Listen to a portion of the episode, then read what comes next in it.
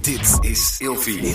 Vroeger. Meneer de Munnik, we bespreken deze week het onderwerp Spaanse shit. En in deze aflevering hebben we altijd een verhaal in de categorie slagveld, ziekte of oorlog. We gaan het hebben over het bloedbad van Naarden. Ja, Dat ligt toch helemaal niet in Spanje? Oh, nee, zeker in Nederland.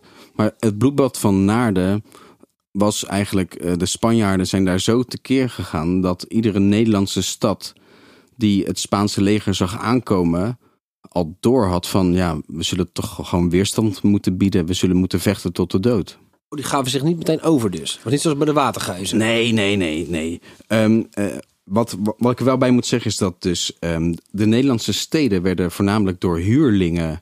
eh, eh, we hadden geen Nederlands leger, hè, zoals je nu de dienstplicht hebt en noem maar op. eh, we hadden geen beroepsleger. Oh. Eh, ehm, iedereen werd ingehuurd. En het waren eh, over het algemeen eh, Duitsers. Door wie werden die dan betaald? Ja, door, door de Nederlandse staat. Dus je had nog wel een Nederlandse staat. Ja, En die waren... ja soort van- eh, gewesten. Het gewest Holland was het rijkste gewest. Onder andere door de VOC en, en door de, de wereldeconomie die ze konden stichten. Hadden ze dus een hoop geld. Eh, maar dat, Oh. Dus is de dat, maar dat- Spanjaarden dat, hadden dat, het maar dat, hiervoor te dat, dat is later. De Spanjaarden hadden het hiervoor te Maar zeggen. je had nog wel groepjes die daar gedacht van... we hebben geld en we, doen, we gaan huurlingen inhuren... en we gaan vechten Ja, maar tegen zeg maar, de, Spanje. de eerste opstand, de Nederlandse opstand, is eigenlijk door huurlingen uitgevochten. Wij moesten andere mensen inhuren om voor ons te vechten. En wat er dus gebeurde was dat, ehm, ja, weet je, als je niet betaald krijgt of als je een overmacht eh, tegenover je hebt staan, ja, dan kies je eieren voor je geld. 100%. Ja, peer je hem gewoon. Ja, Ja, mij niet gezien. Mij niet bellen. mazzel. En eh, wat er dus gebeurt is dus dat Naarden eigenlijk ja, wordt overgelaten aan de Spanjaarden. En de Spanjaarden die gaan even laten zien dat zij de baas zijn. ja, dat snap ik ook. Dus al moordend, verkrachtend, eh, huizen Oh. Dat snap ik eh, dan weer niet. eh, platbrandend eh, gaan ze Naarden in.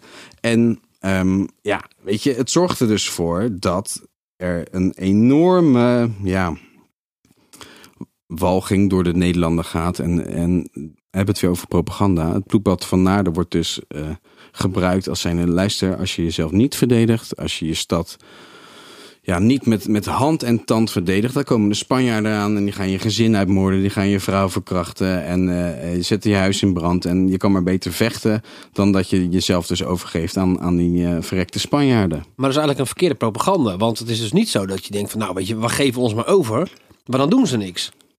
Nee, nee, ze waren uit op wraak. Dit waren losgeslagen mannen hoor. En Naarden, iedereen gewoon vermoord? Of het merendeel? Waar het om gaat is dus dat er ehm, vrouwen, kinderen, huis en haard is verzwolgen door het Spaanse leger.